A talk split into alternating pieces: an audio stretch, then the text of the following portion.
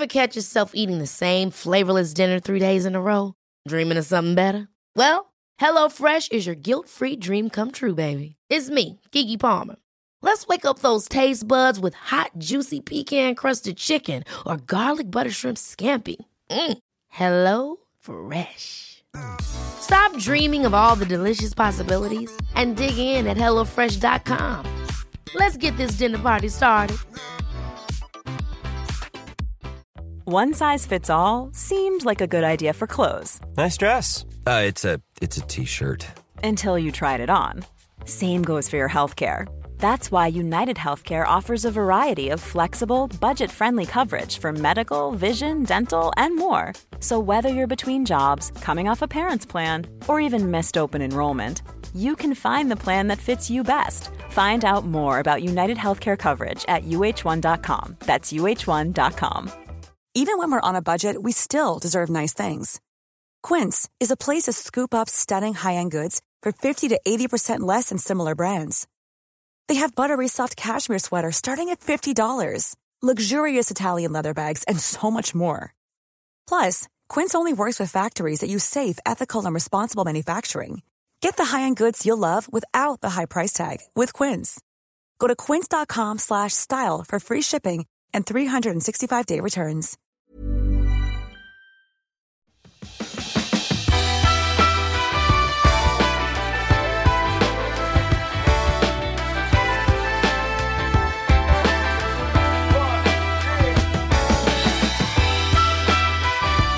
Hej och hjärtligt välkommen till Klimakteriepodden med mig, Åsa Melin. Det är härligt att du är här och lyssnar mitt uppe i alla utmaningar i stort och smått. För vem får klaga på klimakteriebesvär när andra lider så oändligt mycket mer? Men nu tillåter vi oss att vara i just det här och ska koppla tillbaka till avsnitt 196 av Klimakteriepodden som heter Utan filter och som har skapat reaktioner hos många kvinnor som känner igen sig i Betty Vasenius vilsenhet, nedstämdhet och hennes mående. Vi följer upp de här tankarna och utmaningarna med psykoterapeuten Lena Källqvist. Och vi ska få lite nya funderingar på hur det här kan komma sig att vi ofta känner oss nedstämda i klimakteriet och känner oss rädda, frustrerade och oroliga. Vem har funderat på att det kan bottna i att vi skäms över att åldras och är rädda för den förändring vi går igenom? Ja, välkommen att lyssna, för här kommer nya tänkvärda infallsvinklar som jag är ganska säker på kan skapa både bra och dåliga känslor hos dig som lyssnar.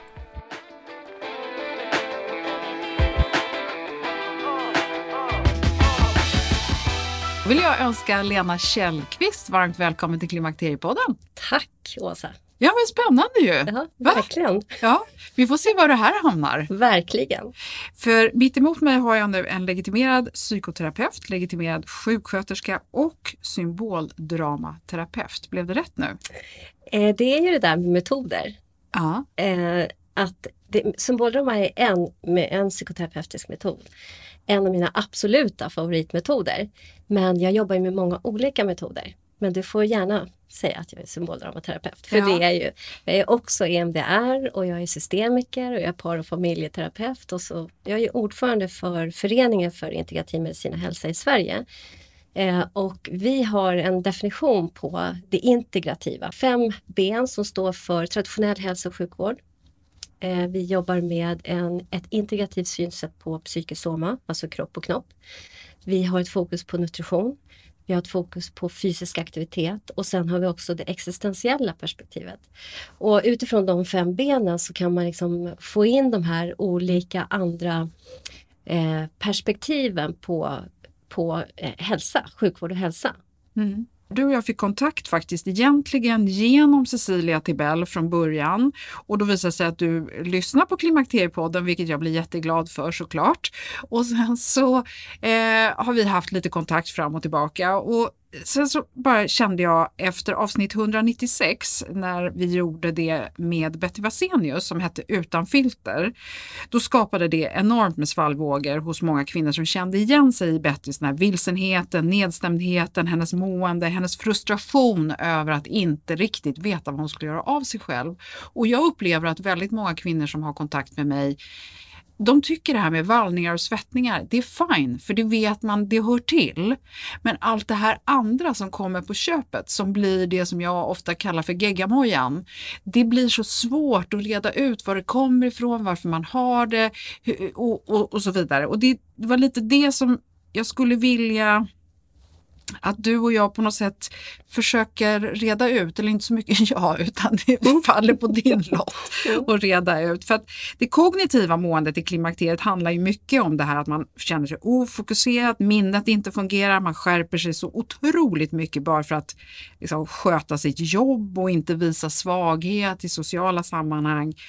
Att man i princip nästan kollapsar sen. Mm. Mm. Så det var det jag tänkte att vi skulle prata om idag. Men jag tycker också att det är spännande med dig för du är ju en kvinna själv i klimakteriet. Ska vi börja lite där, att du berättar lite mer om dig själv? Ja, absolut. Jag, jag tänkte jag skulle också nämna, för det är det därifrån jag skulle vilja komma in i det här samtalet, att jag, jobbar, jag har specialiserat mig på kris och trauma och eh, komplext kris och trauma. Men med det sagt så jobbar jag inte bara med kris och trauma utan jag jobbar med alla olika utgångslägen som människor kommer hit med. Eh, jag har det här integrativa perspektivet på en människa, det vill säga med kropp och knopp, att det inte alltid vi vet vart det ena eller andra börjar.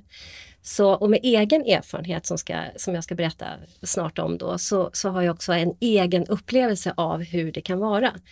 Och eh, så när jag får in en patient i mitt, mitt, här, mitt mottagningsrum så har jag en lång, jag har nästan tre samtal där jag har liksom en anamnesupptagning. Jag gör massa olika interventioner alltid som en sorts utredningsförfarande där till exempel trauma och kris, en screening för trauma och kris är inkluderad. Men också så här undersöka vad motivationen går till och naturligtvis att patienten själv får berätta vad de kommer med. Och där brukar jag ofta hitta, eftersom jag då är sjuksköterska och jobbat många år inom somatiken och mer inom psykiatrin men, men också inom somatiken, så kan jag upptäcka så här att ja men okej, det här är en kvinna, hon är någonstans mellan 45 och 55. Sen kan ju kvinnor gå in i klimakteriet tidigare eh, på grund av olika orsaker. Men eh, sådär, då har jag kanske ett lite extra fokus på vad eh, vad den här kvinnan har för olika symptom och vad hon kommer med för berättelse. De flesta av våra olika diagnoser är symptomdiagnoser. Vi kan inte som när det gäller till exempel ett, en, en patient som vi misstänker diabetes hos ta ett blodprov och titta på blodsockret hur det ser ut utan vi måste titta och, och lyssna på vad patienten berättar och vad den har för olika symptom. Så tillbaka då till symptomdiagnoser så är det så att vi har då ett x antal symptom som kan visa på olika tillstånd som då kräver olika behandlingar. Som om jag bara tar någonting helt annat så kan vi prata om till exempel ADHD som eh, man ofta pratar om. ADHD, symptomen på ADHD är detsamma som för svår stress, trauma eller otrygga anknytningsmönster. Och eftersom vi då har samma symptom för flera olika utgångslägen så blir ju anamnesen jätteviktig. Och anamnesen eh, liksom inom den traditionella hälso och sjukvården så har man så kort om tid. Det har ni också pratat om i flera andra poddavsnitt. Vi har så himla kort om tid medan vi här som på den här mottagningen där vi är privat mottagning har mycket, mycket längre tid. Så jag kan ju ägna mig jättelänge åt anamnesen och anamnesen är bland det viktigaste vi har med oss oavsett vad vi än ska utreda för att hjälpa en annan människa som söker vår hjälp.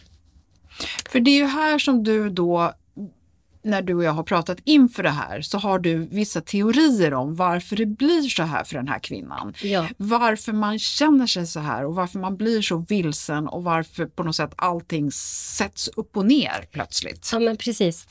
Jag, har, jag blev inbjuden hit för efter Bettys eh, fina ja. poddavsnitt. Ja, och då kan vi påminna om att det avsnittet hette ju Utan filter och det var verkligen utan filter.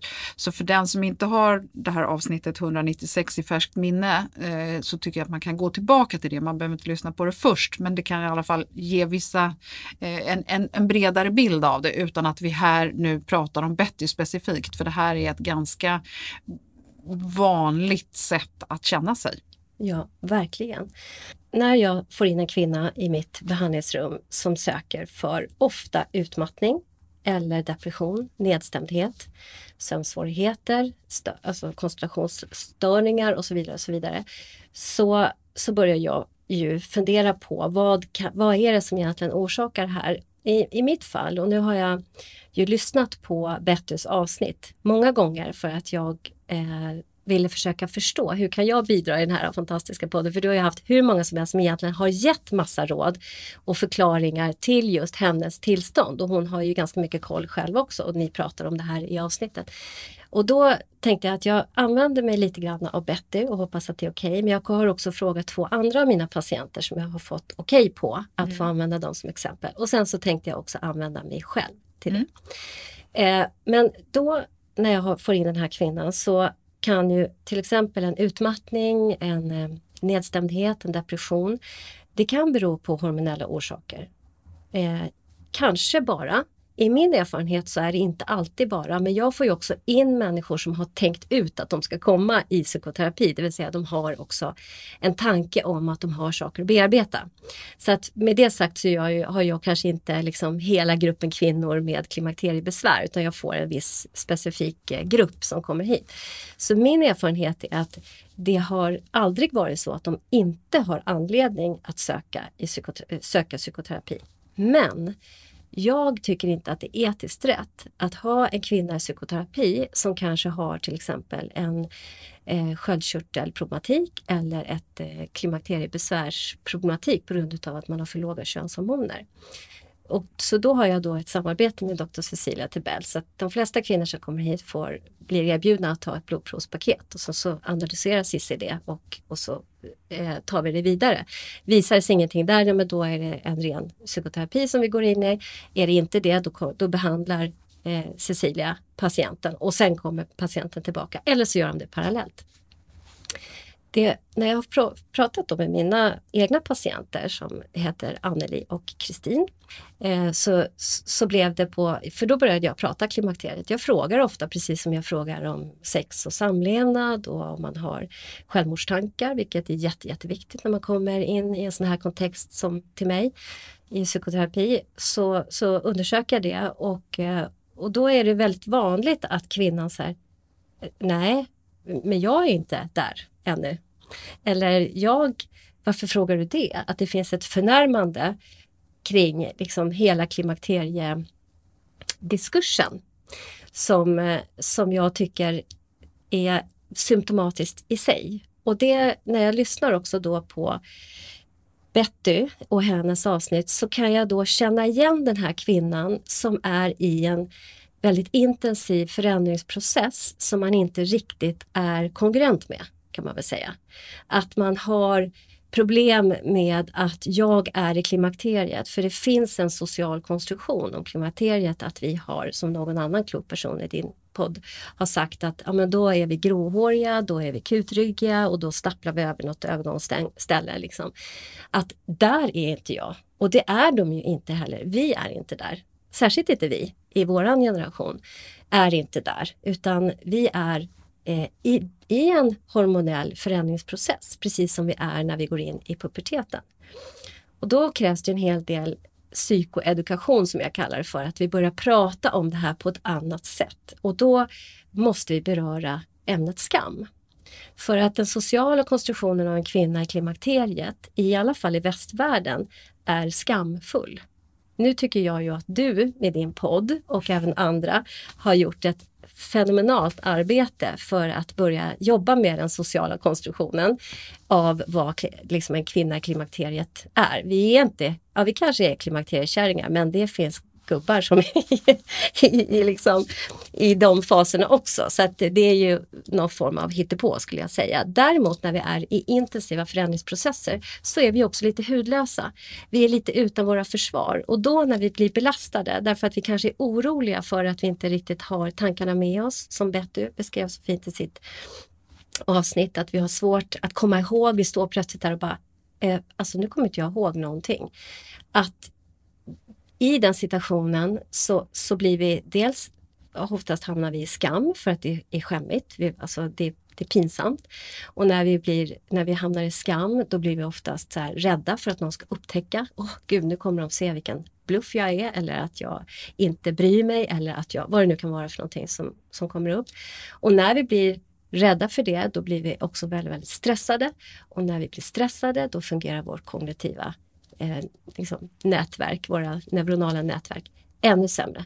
Och så skäms vi ännu mer och så blir vi rädda för att det är kanske något allvarligt fel och så blir vi mer stressade. Och så är vi i den här negativa loopen som till slut landar i oftast en nedstämdhet. För det är inte så roligt längre. Nej, för jag tänker att det blir ju väldigt, eh, precis som du nu nämnde, det blir ju bara en ond cirkel. För att jag blir ju rädd för den här situationen jag var i sist, att jag ska vara lika ofokuserad nästa gång jag står där. Eller som jag själv kan känna igen, att nu när jag ska stå här och hålla det här föredraget inför de här människorna eller prata inför mina kollegor tänk om jag får en vallning nu så blir jag sådär skämmigt röd i ansiktet. Eller tänk om jag måste ta av mig koftan nu. Eller mm. tänk om jag har den där fula t-shirten under den här tröjan och jag måste ta av. Alltså det blir så mycket tankar där. Som... Och då är vi där, då ser alla att jag är där. Förbrukad, gammal, no use. Men har vi inte kommit längre? Alltså jag tror att vi har det. Egentligen så tror jag det. Det är det jag vill också säga till, till dig. För jag tycker ju att du är, jag är lite starstruck när det gäller dig. För att jag tycker att den här podden är liksom jätte, jätte, jättebra och har gjort så mycket för kvinn, kvinnohälsa. Eh, jag tror att det faktiskt börjar ske en förändring. Det går att prata om det på ett annat sätt. Jag, jag, jag har tre tonåringar hemma och vi pratar om det här för att min egen upplevda erfarenhet av klimakteriet började för mig kan man säga egentligen 2020 när jag innan dess för hade blivit sjuk 2019 i en hypotyreos, alltså en sköldkörtelsvikt som hade pågått ganska länge. Jag hade gått med en obehandlad hypotyreos och när jag sen eh, fick behandling så hade det gått lite för långt så att jag gick in då i ett för, så kallat för tidigt klimakterium och fick uppleva allt det här med att man står där och liksom kastas in i en annan fas av livet. Jag är också väldigt, väldigt intresserad av filosofi och existentialism. Så att jag brukar använda de här gamla filosoferna till att förklara saker och ting. Och Sören Kierkegaard säger så fint att vi lever våra liv framlänges men förstår dem baklänges. Där ligger den existentiella utmaningen.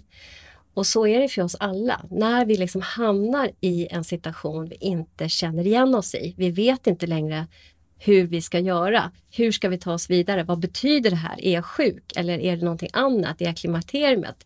Det vill inte jag prata med någon om för fy vad pinsamt att jag är där redan. Eh, så, och då sitter vi i den här skamproblematiken som jag tycker att ja, vi diskursen börjar se annorlunda ut. Vi börjar kunna prata om det på ett annat sätt. Men hur ska man komma ur det då? Ja, det här till exempel. Det jo, men förutom att du och jag sitter och pratar om det, jag tänker att när man är som kvinna där, att man tycker att det här, man, man har ju liksom den här, det är ju enorm liksom sörja av sömnlösa nätter och gnagande och nedstämdhet och så vidare. Man måste ju på något sätt få ett verktyg att ta sig ur den här loopen. Mm. Och så får vi höra att vi ska träna, vi ska äta, vi ska, alltså vi får absolut inte dricka alkohol och vi ska inte dricka mer än en kopp kaffe och det ska före klockan ett för annars har vi sabbat sömnen. Och så hela tiden är vi bara små människor som gör så gott vi kan och så kan vi inte bättre. Nej, men där tänker jag ändå att det, det som först på något sätt måste göras är att börja jobba med den sociala konstruktionen utav vad klimakteriet är, vilket jag tänker att det gör. Det görs i den här podden.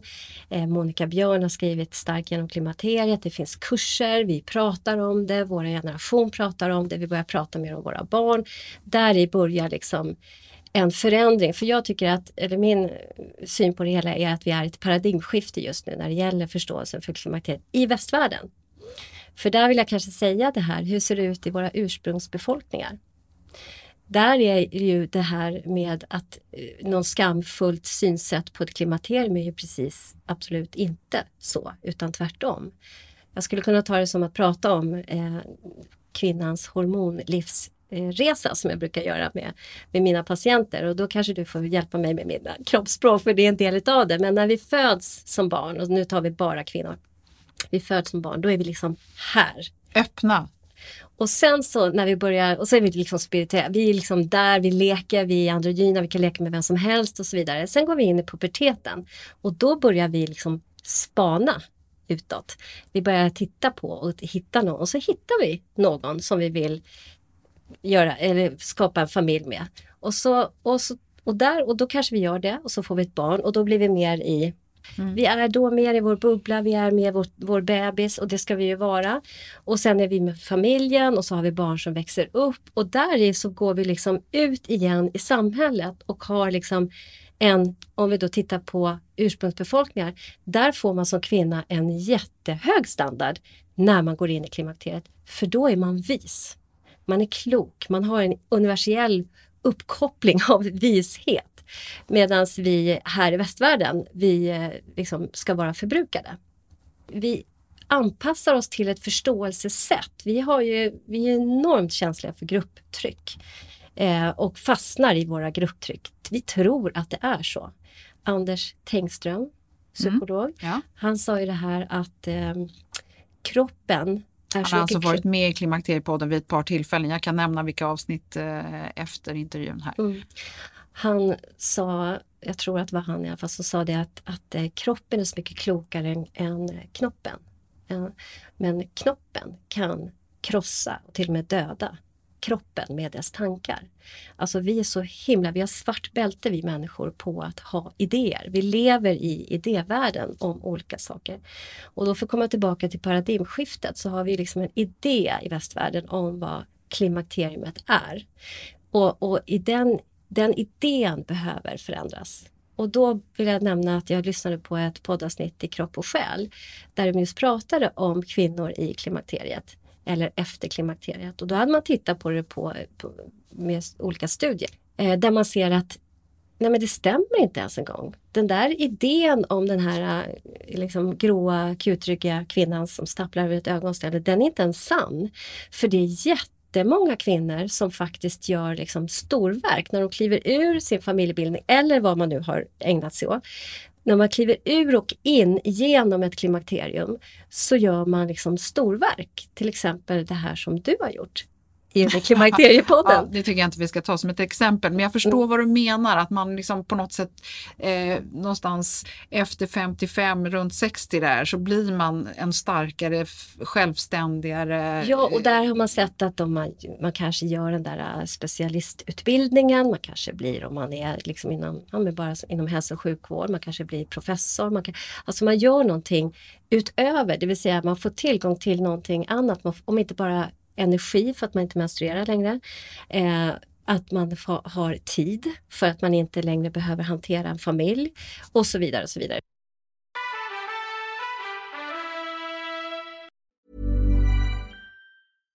If you're looking for plump lips that last, you need to know about Juvederm lip fillers. With Juvederm Volbella XC and Juvederm Ultra XC, your lip look, whether it's subtle or bold, can last up to one full year with optimal treatment and no additional maintenance. Find a licensed specialist and see if it's right for you at Juvederm.com today. That's J U V E D E R M.com. Add fullness to lips in adults over 21 with Juvederm Volbella XC or Juvederm Ultra XC. Do not use if you have severe allergies or a history of severe allergic reactions, or if you're allergic to lidocaine or the proteins used in Juvederm. Tell your doctor if you have a history of scarring or taking medicines that decrease the body's immune response or that can prolong bleeding. Common side effects include injection site redness, swelling, pain, tenderness, firmness, lumps, bumps, bruising, discoloration, or itching. As with all fillers, there's a rare risk of unintentional injection into a blood vessel, which can cause vision abnormalities,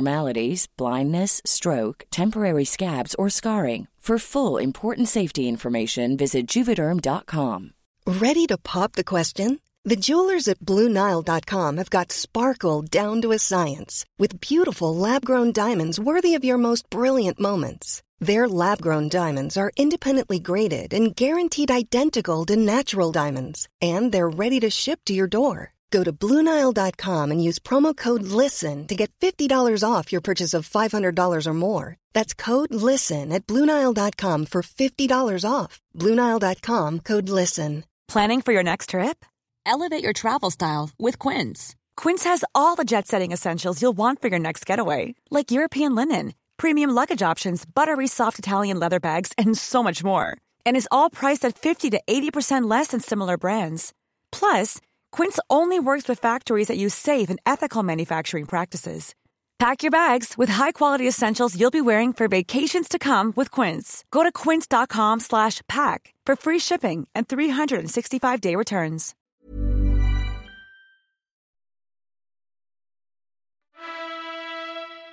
Nu blir det här då kan jag tycka ytterligare en press på den här kvinnan som lyssnar på det här att okej, okay, sen ska jag stiga ur askan och stå där som... Fenixfågel. ja, precis.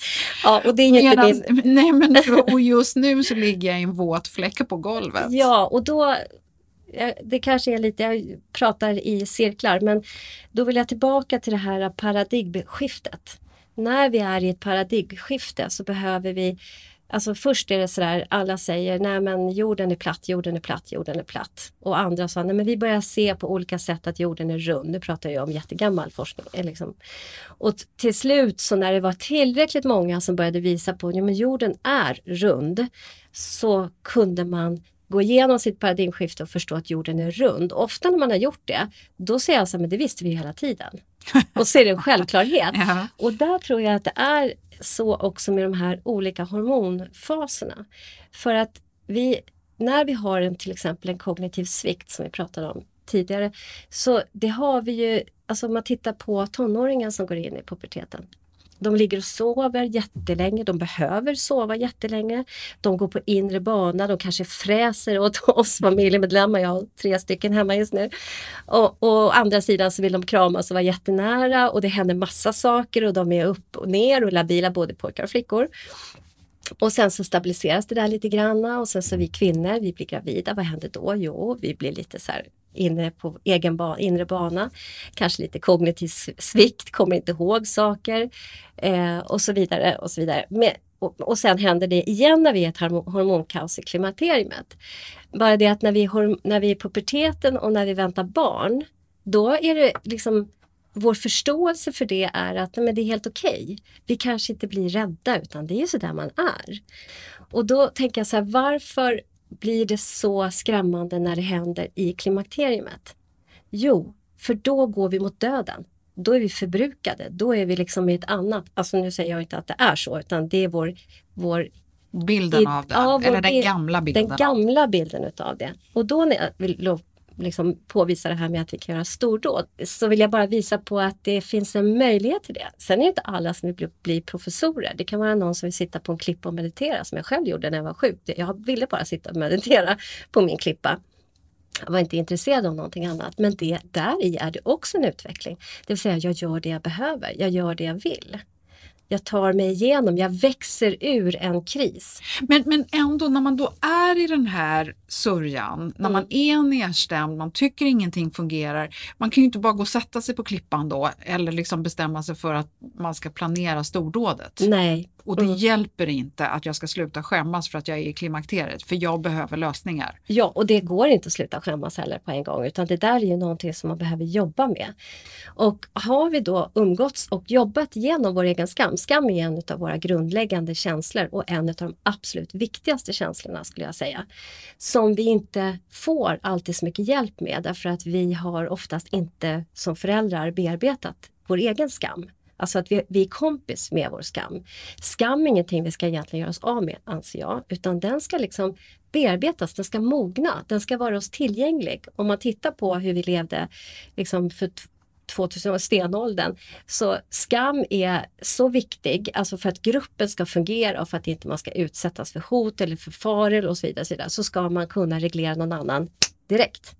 Och skam är en sån reglerande känsla, väldigt, väldigt starkt. Men sen har ju vi då genom, jag, historia är ju så himla spännande att titta på tillbaka. Vi, vi blir ju hanterade med skam. Vi har jante och vi har religioner som liksom håller i oss och inget elakt sagt om religioner, andlighet, det är superspännande. Men vi har också en annan hantering utav människor genom de här olika liksom, där vi behöver få stora människogrupper att fungera tillsammans. Helt enkelt. Och, och därför så blir vi utsatta för skam på olika sätt genom och bearbetar vi inte den här så kan vi inte heller hjälpa barnet med skam och då växer upp en ny människa som kanske har en väldigt laddad upplevelse eller laddad relation till sin skam. För skam, eftersom jag sa det, den kräver ju en, en instant eh, förändring. Man vill ha någonting som är snabbt. Det där kan ju hända på inre bana. Du behöver inte ens ha någon annan som talar om för dig att du ska skämmas utan det kan vara då att vi till exempel plötsligt står inför en situation där till exempel eh, som Betty säger, jag är livrädd för att tappa det. Ja, men vad är det vi egentligen är rädda för? Jo, vi är ju rädda för att möta skammen av att ha tappat det. Att bli blanka. Vi är vår profession, sa hon också vid något tillfälle. Och då är det också så att vi laddar upp olika områden i vårt liv. Jag är mamma, jag är eh, psykoterapeut, jag är yogalärare jag är, och då vill jag vara den bästa möjliga för jag vill inte att någon annan ska tycka att jag inte är bra. För då kan min skam väckas. Eh, och, och skammen med våra förändrings Eh, processer är liksom oundviklig.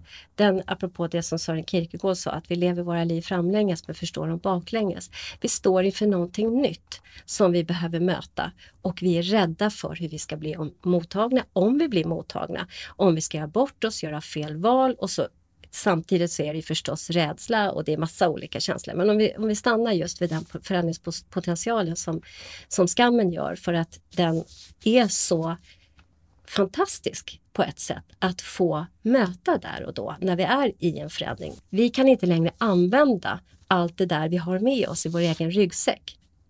Alltså vi tänker ju, jag kommer inte ihåg hur många tankar vi tänker, men vi tänker tusentals tankar på en dag och nästan alla är samma som dagen innan. Förutom när vi står inför en kris och, eller i ett kaos. Då måste vi börja tänka nytt.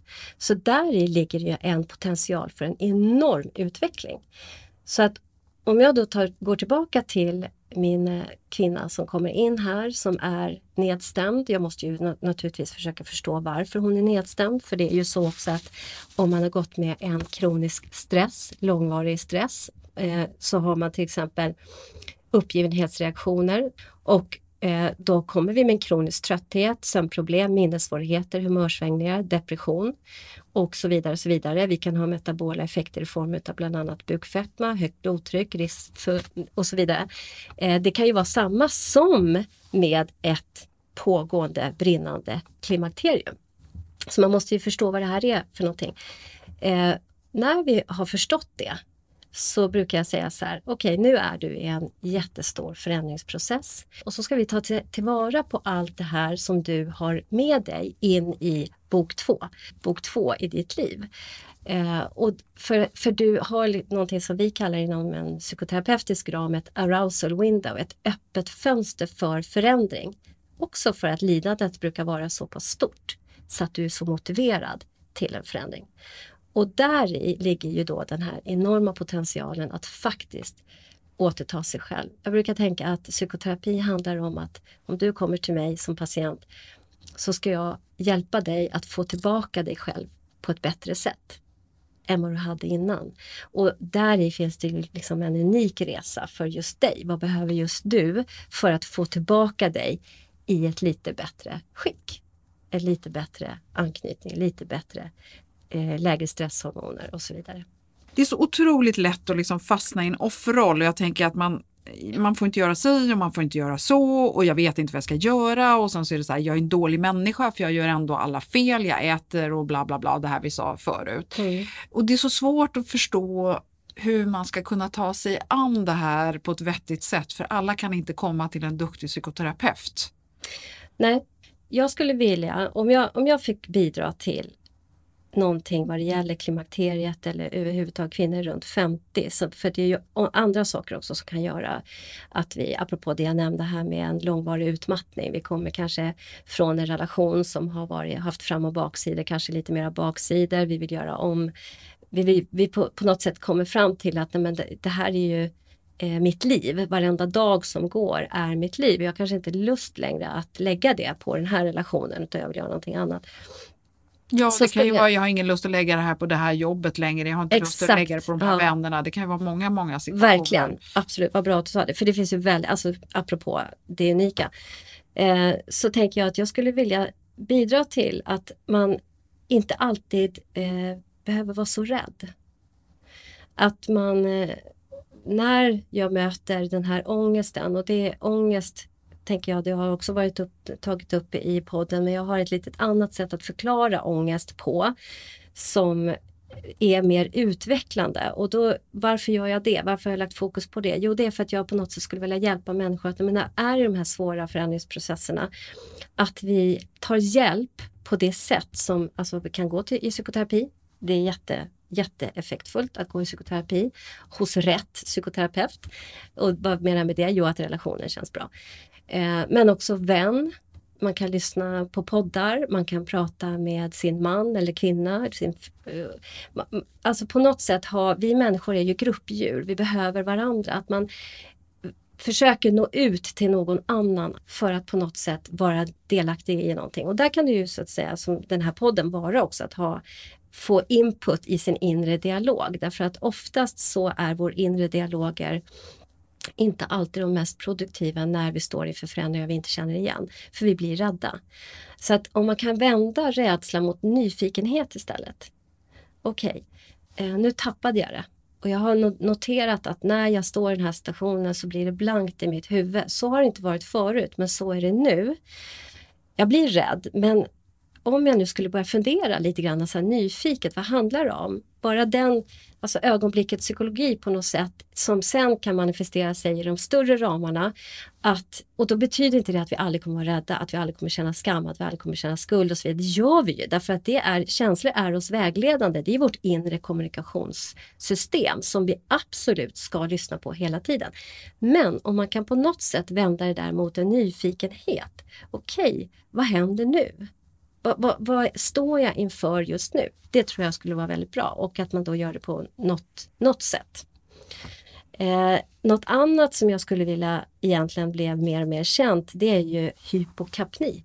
Mm -hmm. Något enkelt som man kan göra hemma och då har du haft Anders Olsson som är ju en fantastisk person att prata om just andetaget, medveten, and, medveten andning. För vi i västvärlden, vi lever med en stress, där vi lever i ett tempo som inte är så människovänligt. Och hur, det än, hur vi än gör så, så blir det så att vi kanske inte alltid andas på det mest optimala sättet. Och då finns det något som heter hypokapni som betyder att vi har för lågt koldioxid i blodet vi ska ju ha en balans. Vi lär oss ju att men, syre, vi ska syresätta oss och vi ska... Så här. Ja, absolut. Men vi ska inte ha för mycket syre. Utan vi ska ju ha det i balans till koldioxiden.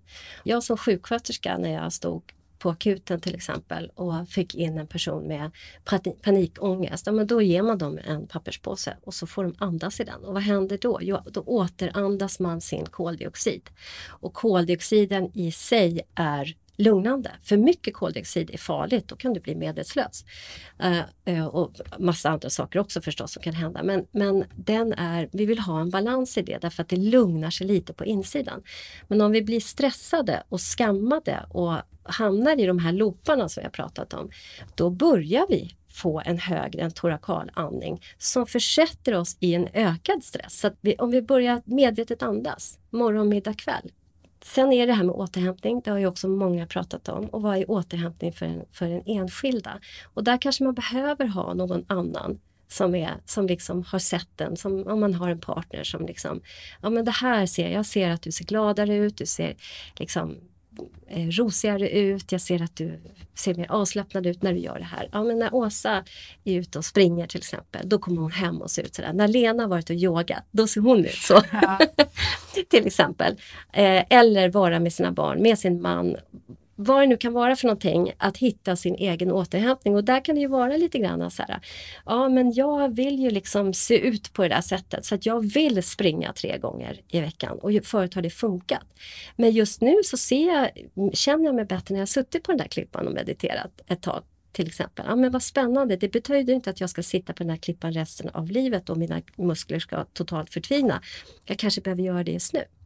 Eh, så återhämtning på det sätt som är individuellt.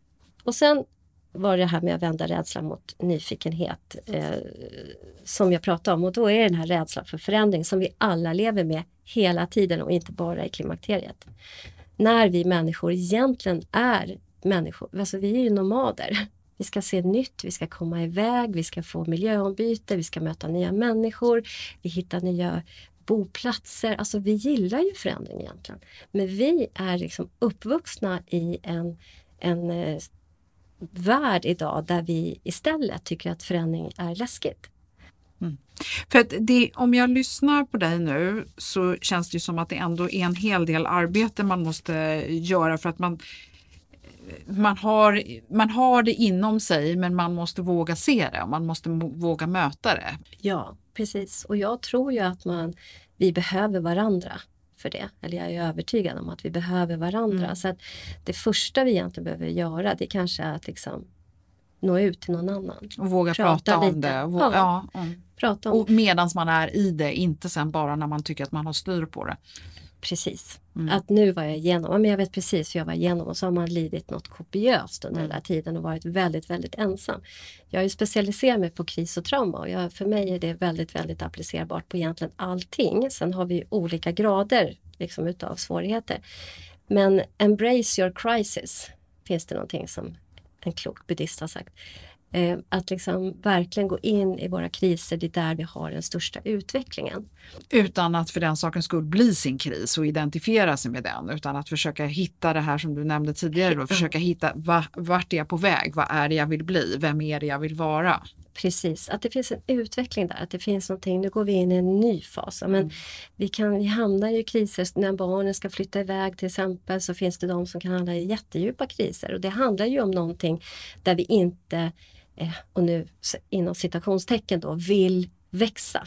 För krisen, embrace your crisis, hedra din kris. Där, när du möter en kris så är det någonting som krockar. Du behöver liksom växa dig ur, du behöver få ny kunskap, du behöver, få, du behöver växa helt enkelt. Så om vi då går tillbaka bara till skammen. När vi blir skammade, då om du känner riktigt djup, kommer du ihåg något tillfälle när du har känt det? Ja det gör jag men jag tänker inte berätta det nu. Nej, det behöver du inte göra. Men hade du någon att prata med där? Pratade du med Nej, någon? jag skämdes så mycket så jag vågar inte prata med någon. Där ligger traumat i vilken, alltså det kan vara något jättestort, det kan vara något jättelitet, men det är ensamheten. Och det är när vi fastnar i ensamheten, vilket vi gör där. Och särskilt om vi inte har fått hjälp. När vi blir väldigt, väldigt ensamma, det är där vi blir liksom traumatiserade i det stora som i det lilla. Eh, och det där får man problematisera med, men om jag tillåter mig att använda mig av de orden så är det det som egentligen är det som leder oss in i en nedstämdhet till slut. För att vi är och För Jag tänker att man känner sig ensam och frustrerad och eh, osäker på vad man ska ta sig till. Mm. Det är väl det som är den stora saken, för man känner att man har fastnat i en återvändsgränd. Precis, så att om vi bara umgås med att ja, men, den här ensamhetsproblematiken, att om vi når ut eh, så, så kan vi göra ett förändringsarbete för att då, som jag tänker inom psykoterapi, om du kommer till mig, att jag vill hjälpa dig med den här förändringsprocessen och att du får tillbaka dig själv i ett bättre skick. Och då tänker jag alltså att man kan vara umgås med sig själv utan att känna sig ensam. Och där tänker jag så att när vi hamnar i de här djupa kriserna då finns det ett sånt, eh, en sån önskan, en psykologisk inre önskan om att få växa in i någonting. Och har vi då levt i en social konstruktion av att nu är det kört. Nej men då är det ju, alltså, då får man en existentiell kris. Mm. Helt enkelt. Och nu vill jag också vara noga med att säga att det här är, jag är helt medveten om att du som lyssnar kan vara på jättemånga olika platser och det finns en skala i det här. Men det är återkommande att man känner sig ensam, att man känner sig frustrerad i det här. Lena, du och jag ska börja runda av det här så vi ska ändå ha några kloka tankar till eh, med oss på, på köpet här. Ja, alltså jag brukar kalla mig själv för att jag är en übersystemiker. Jag ser allting i system. Från eh, den lilla cellen upp till hela det planetära systemet ser vi. Och vi människor är definitivt, vi är gruppdjur och vi förhåller oss till varandra och vi läser varandra och, och, och så vidare. Och, eh, så att eh, på något sätt eh, lyfta det och som också den rörelsen kring klimakteriet faktiskt är. Det är en kvinnorörelse och vi är tillsammans i det det är en del av livet men jag vill bara påpeka att vi lever kanske, om vi får leva vår fulla livslängd, så kanske vi blir runt 80 år. Och 30-40 år av de tid, den tiden så är vi fertila och har mens. Så halva livet har vi mens, halva livet har vi inte mens. Så livet handlar inte för oss kvinnor om att ha mens och vara fertila utan det handlar väldigt mycket om andra saker. Och att på något sätt se det som i det stora hela att vi har alltså, det, är en, det är en förändring, vi går in i någonting annat och det är ju om vi lyckas vända det där mot en nyfikenhet och gör det ihop så kan det bli en riktigt bra resa. Mm. Som eh, doktor Cecilia sa till mig i ett samtal, ja men vi hittar på massa olika namn för klimakteriet. Vi kan inte ens säga jag är klimakteriet för det liksom väcker den här skammen inom oss. Och, och, och det försätter oss i massa för det sätter igång kroppen. Vi, vi kanske pumpar mer kortisol, mer adrenalin och stressen driver bort våra könshormoner. Då blir klimakteriesymptomen värre och så vidare. Alltså det här sitter, sitter ihop i ett system. Så att om vi börjar, om du och jag jobbar med våran skam kring det här. Du och jag pratar om den här, det som är som mest skämmigt just nu. Och så tar vi oss igenom det, vi växer igenom det jag, jag, jag tror inte man kan göra en finare gest gentemot eller handling gentemot en vän. Nej. Bra! Tusen tack Lena Källqvist för att du ville komma till Klimakteriepodden idag. Eh, man ska inte missa din podd. Berätta, vad heter din podd? Min podd heter Både och istället för antingen eller. En podd om integrativ medicin och hälsa. Ja. Mm. Och det finns massor med spännande avsnitt som eh, jag kan rekommendera. Och eh, ja, eh, vad ska vi säga? Det, det, blir alltid mycket sagt och det blir spännande och man hamnar inte alltid där man tror att man ska hamna. Men jag hoppas att du som har lyssnat har fått med dig en hel del goda tankar och råd som du kanske inte bara eh, behöver för egen del utan också kanske för någon annan i din närhet. Tusen tack Lena! Tack också.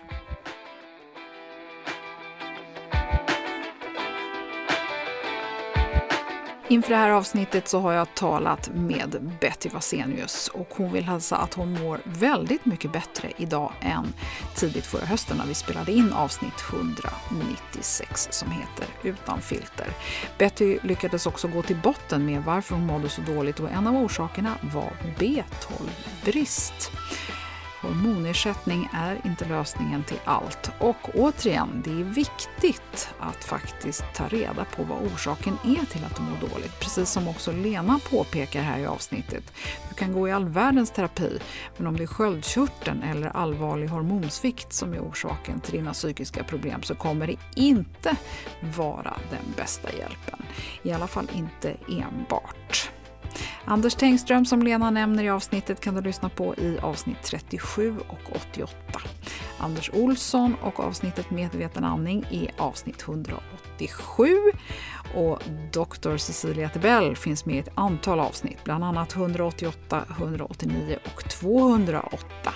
Använd gärna klimakteriepodden.se hemsidan där det är relativt lätt att läsa mer om avsnitten och hitta det som kan intressera dig. Jag vill också slå ett slag för Louise Rudberg och avsnitt 167 som handlar mer om hur man kan vara ett stöd för någon i klimakteriet. I nästa avsnitt så blir det mer av Anders Lönedal. Otroligt uppskattad. Eh, han ska lära oss eh, om hur hjärnan renar sig själv och varför det är så otroligt viktigt. Det är superspännande. Han var ju med här i avsnitt 213 och talade om lymfsystemet och det här blir en typ av fortsättning. Så tusen tack för att du har lyssnat och jag hoppas att du vill komma tillbaka snart igen. Hej då!